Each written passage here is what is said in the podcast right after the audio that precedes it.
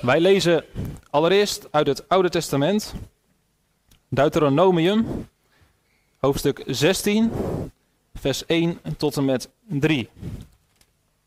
Deuteronomium, het vijfde boek van Mozes, hoofdstuk 16, vers 1 tot en met 3.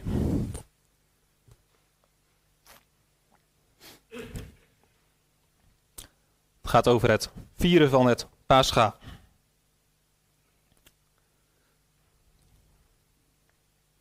Deuteronomium, hoofdstuk 16, vers 1 tot 3. Neem de maand Abib in acht en houd het Pascha voor de Heere, uw God. Want in de maand Abib heeft de Heere, uw God, u in de nacht uit Egypte geleid. Dan moet u voor de Heere uw God het paaslam slachten, kleinvee en runderen, op de plaats die de Heere zal uitkiezen om daar zijn naam te laten wonen.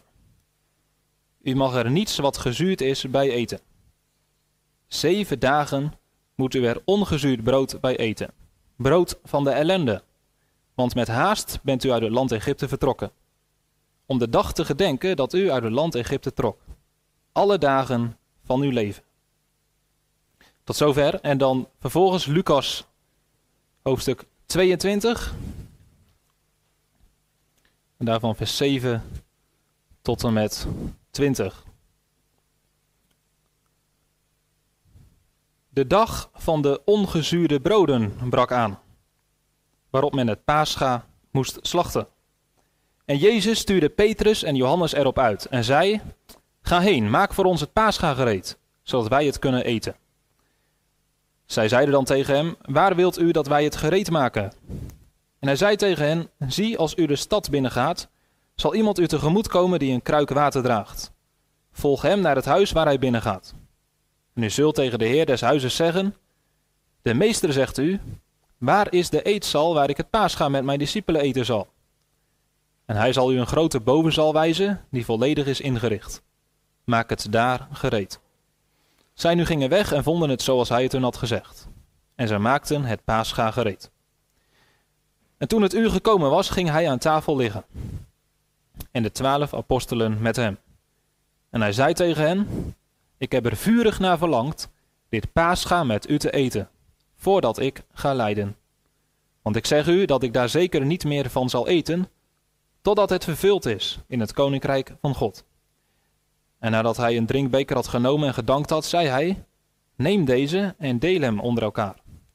Want ik zeg u dat ik niet drinken zal van de vrucht van de wijnstok, totdat het koninkrijk van God is gekomen.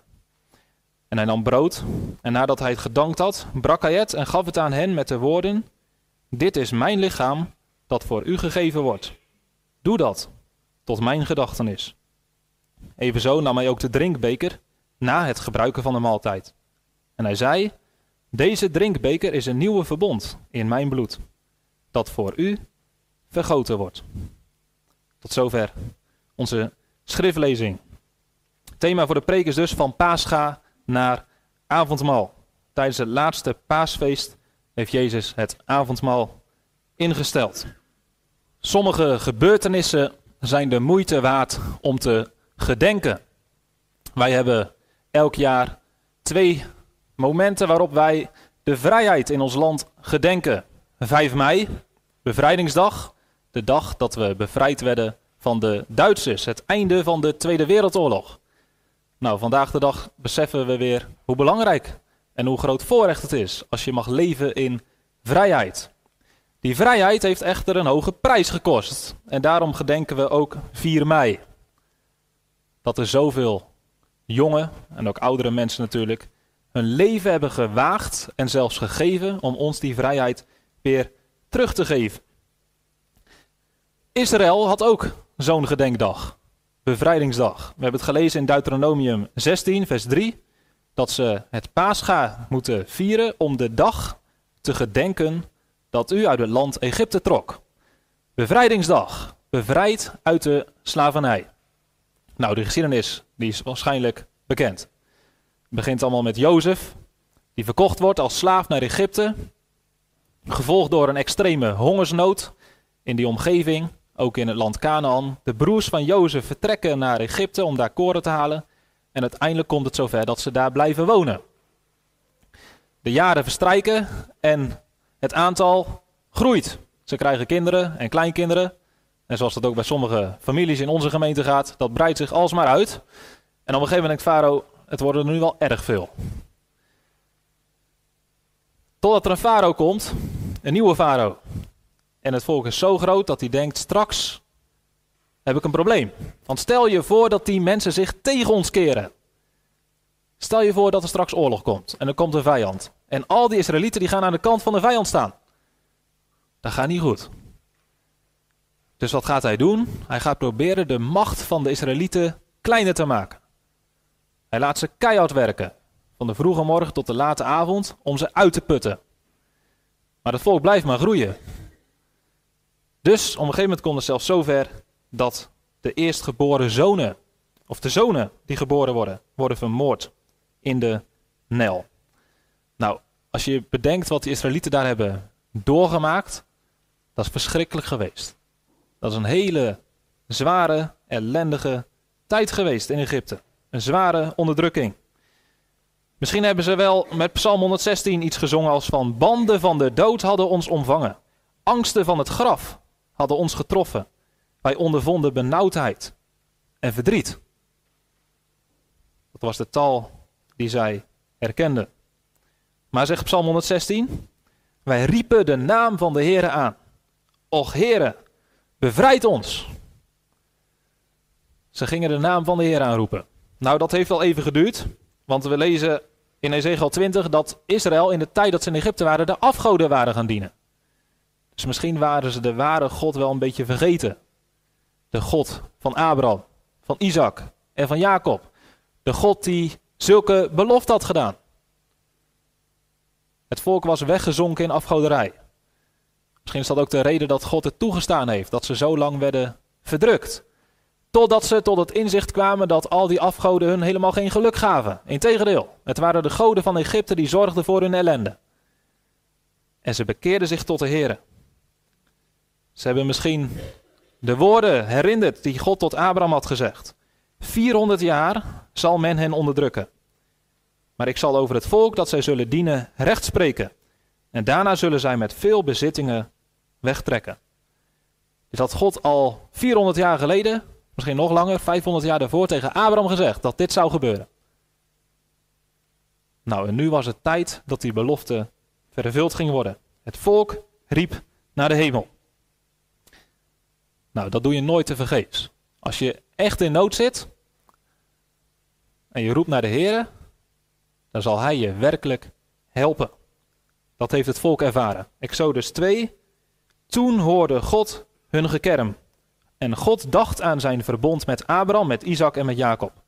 God zag naar de Israëlieten om en ontfermde zich over hen. Zoals Psalm 116 dat ook zegt: De Heere is genadig en rechtvaardig. Onze God is een ontfermer. Zo is God. Niet God doet zo. Hij is een ontfermer.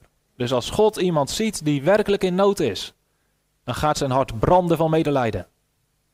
En dan wil God uitkomst geven. En zo werd het volk verlost uit Egypte. Dat ging niet vanzelf. Tien plagen gingen daaraan vooraf. Misschien moet ik daar nog een keer over hebben. Ik had een mooie inzicht van de week, hoorde ik. Dat die uh, tien plagen hebben allemaal te maken met een van de goden van Egypte. Bijvoorbeeld het water werd in bloed veranderd, de Nijl. En de Nijl, dat was een van de belangrijkste goden van Egypte. Want de Nijl die gaf, voor, die gaf vruchtbaarheid. Dat was het water waar het uh, land nodig had om gewas te kunnen voorbrengen. En God trof die God. Het water veranderde in bloed. De tweede God die getroffen werd, was de God van de krokodillen. En die krokodillen die moesten kikkers eten. En als er genoeg kikkers werden gegeten, dan had het volk daar geen last van. Maar ook die God werd uitgeschakeld, want de krokodillen konden de kikkers niet opeten. Er kwamen gigantisch veel kikkers. De negende plaag is de plaag van de duisternis. De scheppingsgod volgens de Egyptenaar is alles geschapen door de god Ra. En dat is de zonnegod, die geeft licht en leven.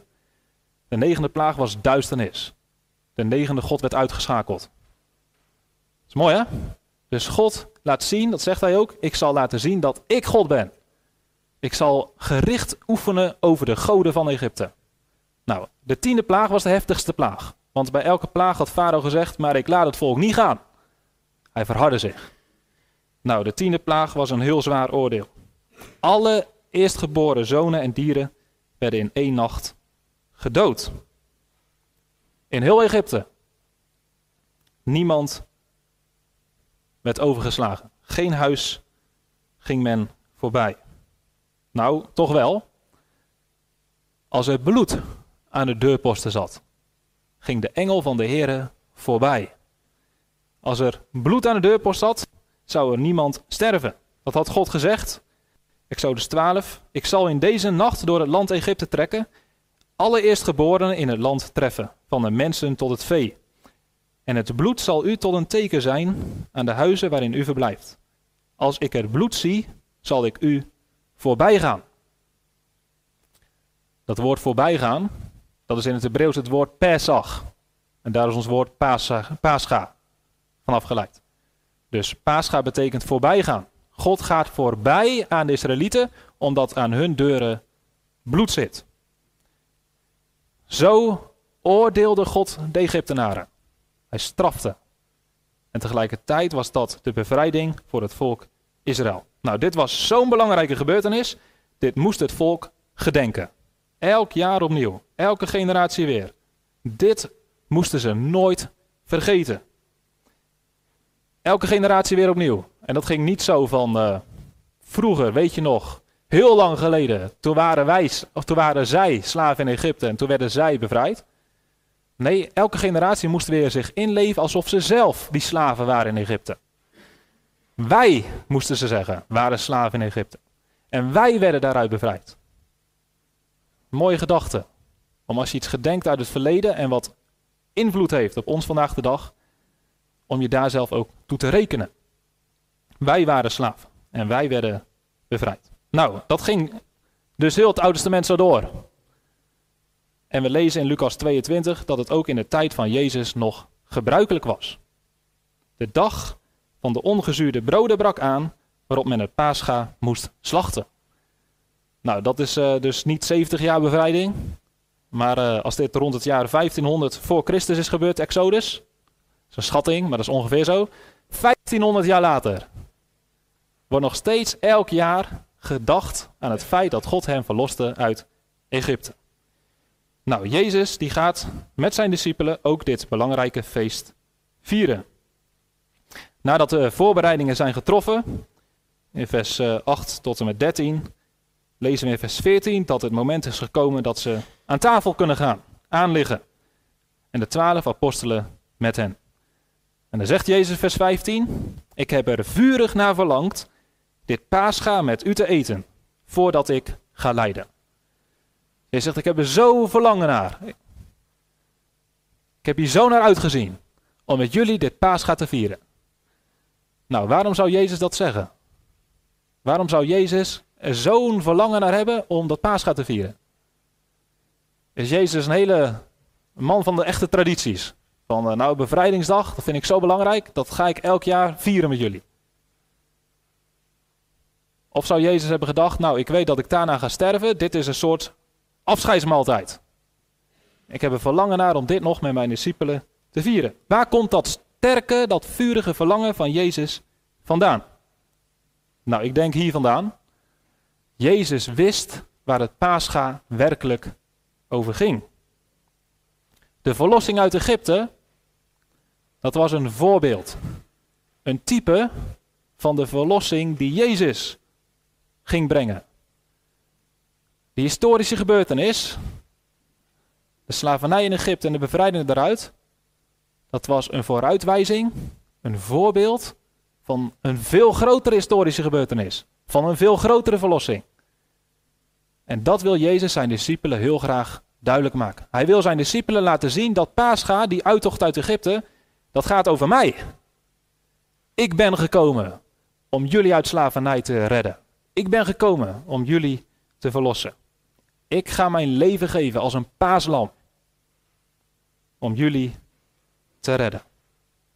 Nou, de discipelen hebben dat waarschijnlijk toen nog niet zo beseft. Voor hen was het een sederavond, zoals elk jaar. Sederavond, seder betekent programma, orde. Een avond die volgens een vast programma verliep. Het ging ook zoals de discipelen het hadden verwacht. Eerst kwam de eerste beker. Die ging rond. Dat lezen we ook eh, in vers 17. Hij had een drinkbeker genomen. Nadat die beker was rondgegaan, was het tijd voor de bittere groenten, de bittere kruiden. Tegenwoordig doen ze dat met uh, en jonge bittere Ze eten als een herinnering, als een teken aan de bitterheid van de verdrukking in Egypte. Ze proefden bitterheid. En dat dacht hen terug aan die bittere tijd die ze in Egypte hadden beleefd. Hierna kwam de tweede beker. Die ging ook rond. En daarna kwamen de matzes, of matza, het brood, wat gebroken werd. Dat brood, dat was geen gewoon brood. Want in Egypte mocht het volk niet gewoon brood eten. Dat was brood wat gemaakt was van deeg alleen van water en meel. Zonder gist. Nou, als je alleen deeg hebt van water en meel, zit hier bakkers tussen, die weten misschien beter dan ik. Maar dat gaat niet reizen. Dus dan kreeg je platte broden. Dat aten de Israëlieten in de tijd dat ze in Egypte waren. Dus ze moesten ongezuurde broden eten. Matses. Die niet gerezen waren. En als dat brood gebroken werd en uitgedeeld werd, dan werden de volgende woorden gesproken. Dit is het brood van de ellende dat onze vaderen in Egypte aten. Dus de discipelen zitten met Jezus aan tafel. Ze hebben de eerste beker gehad, ze hebben de bittere groente gehad, weer een beker en nu komt het brood. En ze verwachten dus dat Jezus nu gaat zeggen: Dit is het brood van de ellende dat onze vaderen in Egypte aten. Maar dat zegt Jezus niet. Tot een grote verbazing zegt Jezus: Dit is mijn lichaam, dat voor u gebroken wordt. Doe dat tot mijn gedachtenis. Nou, wij zijn met deze woorden vertrouwd, maar de discipelen hebben echt waarschijnlijk gedacht: Wat zegt Jezus nu? Heeft hij het over zijn eigen lichaam dat gebroken wordt? Wat betekent dit? Wat doet Jezus? Hij verandert het hele paascha. Hij maakt er een andere betekenis van. Hij geeft er een andere invulling aan. Nou, wat zou daarop volgen? Reken maar dat de discipelen met meer aandacht dan ooit erbij zijn geweest. Wat zou Jezus nog meer gaan doen? Nou, wij hebben misschien de gedachte dat direct na dat brood de volgende beker werd gedeeld, de derde beker. Dat was niet zo, want eerst werd nog het paaslam gegeten. Het paaslam dat smiddags was geslacht. Een paaslam wat een mannetje moest zijn, volkomen, zonder enig gebrek. Het was tijd eerst om het paaslam te gaan eten. En daarna pas zou de volgende, de derde beker komen. Dit lezen we ook in Lucas 22. Want in vers 20 staat: Evenzo nam hij ook de drinkbeker na het gebruiken van de maaltijd. Dus daar zat een hele tijd tussen. De tijd dat ze dat paaslam aan het eten waren. Toen kwam de derde beker. Dat was de beker van de dankzegging of de beker van de lofprijzing. En bij deze beker ging de sfeer omslaan aan tafel. Tot nu toe was het allemaal gericht op de ellende, de verdrukking, de bitterheid die ze hadden beleefd in Egypte. Nu was het tijd om blij te gaan worden, om vrolijk te worden. Want dit was de beker van de verlossing. En bij deze beker werd gezegd: God heeft ons gebracht van slavernij tot vrijheid. Hij heeft ons gebracht van ellende tot vreugde. Hij heeft onze rouw veranderd in feest. Hij heeft de duisternis gemaakt tot licht. Hij heeft ons gebracht van onderworpenheid naar vrijheid. Maar dit zei Jezus niet. Opnieuw zullen de discipelen verrast zijn. Want Jezus zegt helemaal niks over die redding uit Egypte. Hij zegt niks over slavernij en bevrijding. Jezus zegt iets anders. Deze drinkbeker is het nieuwe verbond in mijn bloed, dat voor u vergoten wordt. De discipelen moeten bij deze beker niet zozeer denken aan Egypte, maar aan Jezus. Niet aan de bevrijding van het volk, maar aan de vergeving van hun eigen zonde. Daar is die beker voor bedoeld. Het bloed. Nou, dat bloed dat heeft natuurlijk wel een grote betekenis bij het paascha. De discipelen zullen bij het woord bloed meteen hebben gedacht aan het bloed dat op de deurposten zat. Het bloed van het paaslam. En wat zorgde dat bloed ervoor? Dat die engel die langskwam om mensen te doden, om het oordeel van God uit te voeren, dat die voorbij ging. Deze lijn is heel duidelijk. Jezus zegt als het ware: Mijn bloed zal jullie ook bewaren voor het oordeel van God. Mijn bloed zal ervoor zorgen dat het oordeel van God jou niet raakt, omdat de Heer aan jou voorbij gaat. Je wordt gespaard voor de toorn van God. Daar staat deze derde drinkbeker symbool voor. Er is nog een lijn te trekken uit het Oude Testament. Jezus zegt: Dit is het bloed van het nieuwe verbond. Toen uh, Israël uit Egypte was verlost en ze de woestijn ingingen, kwamen ze bij de berg Sinaï. Bij de berg Sinaï werd het oude verbond gesloten, het Sinaïtisch verbond. En dat werd gesloten met bloed. Exodus 24. Toen nam Mozes het bloed, sprenkelde het op het volk en zei: Zie, dit is het bloed van het verbond dat de Heere met u gesloten heeft, op grond van al die woorden. Dat verbond, hebben was het vorige week? De week ervoor, ik weet niet meer. S'avonds hebben we het daarover gehad.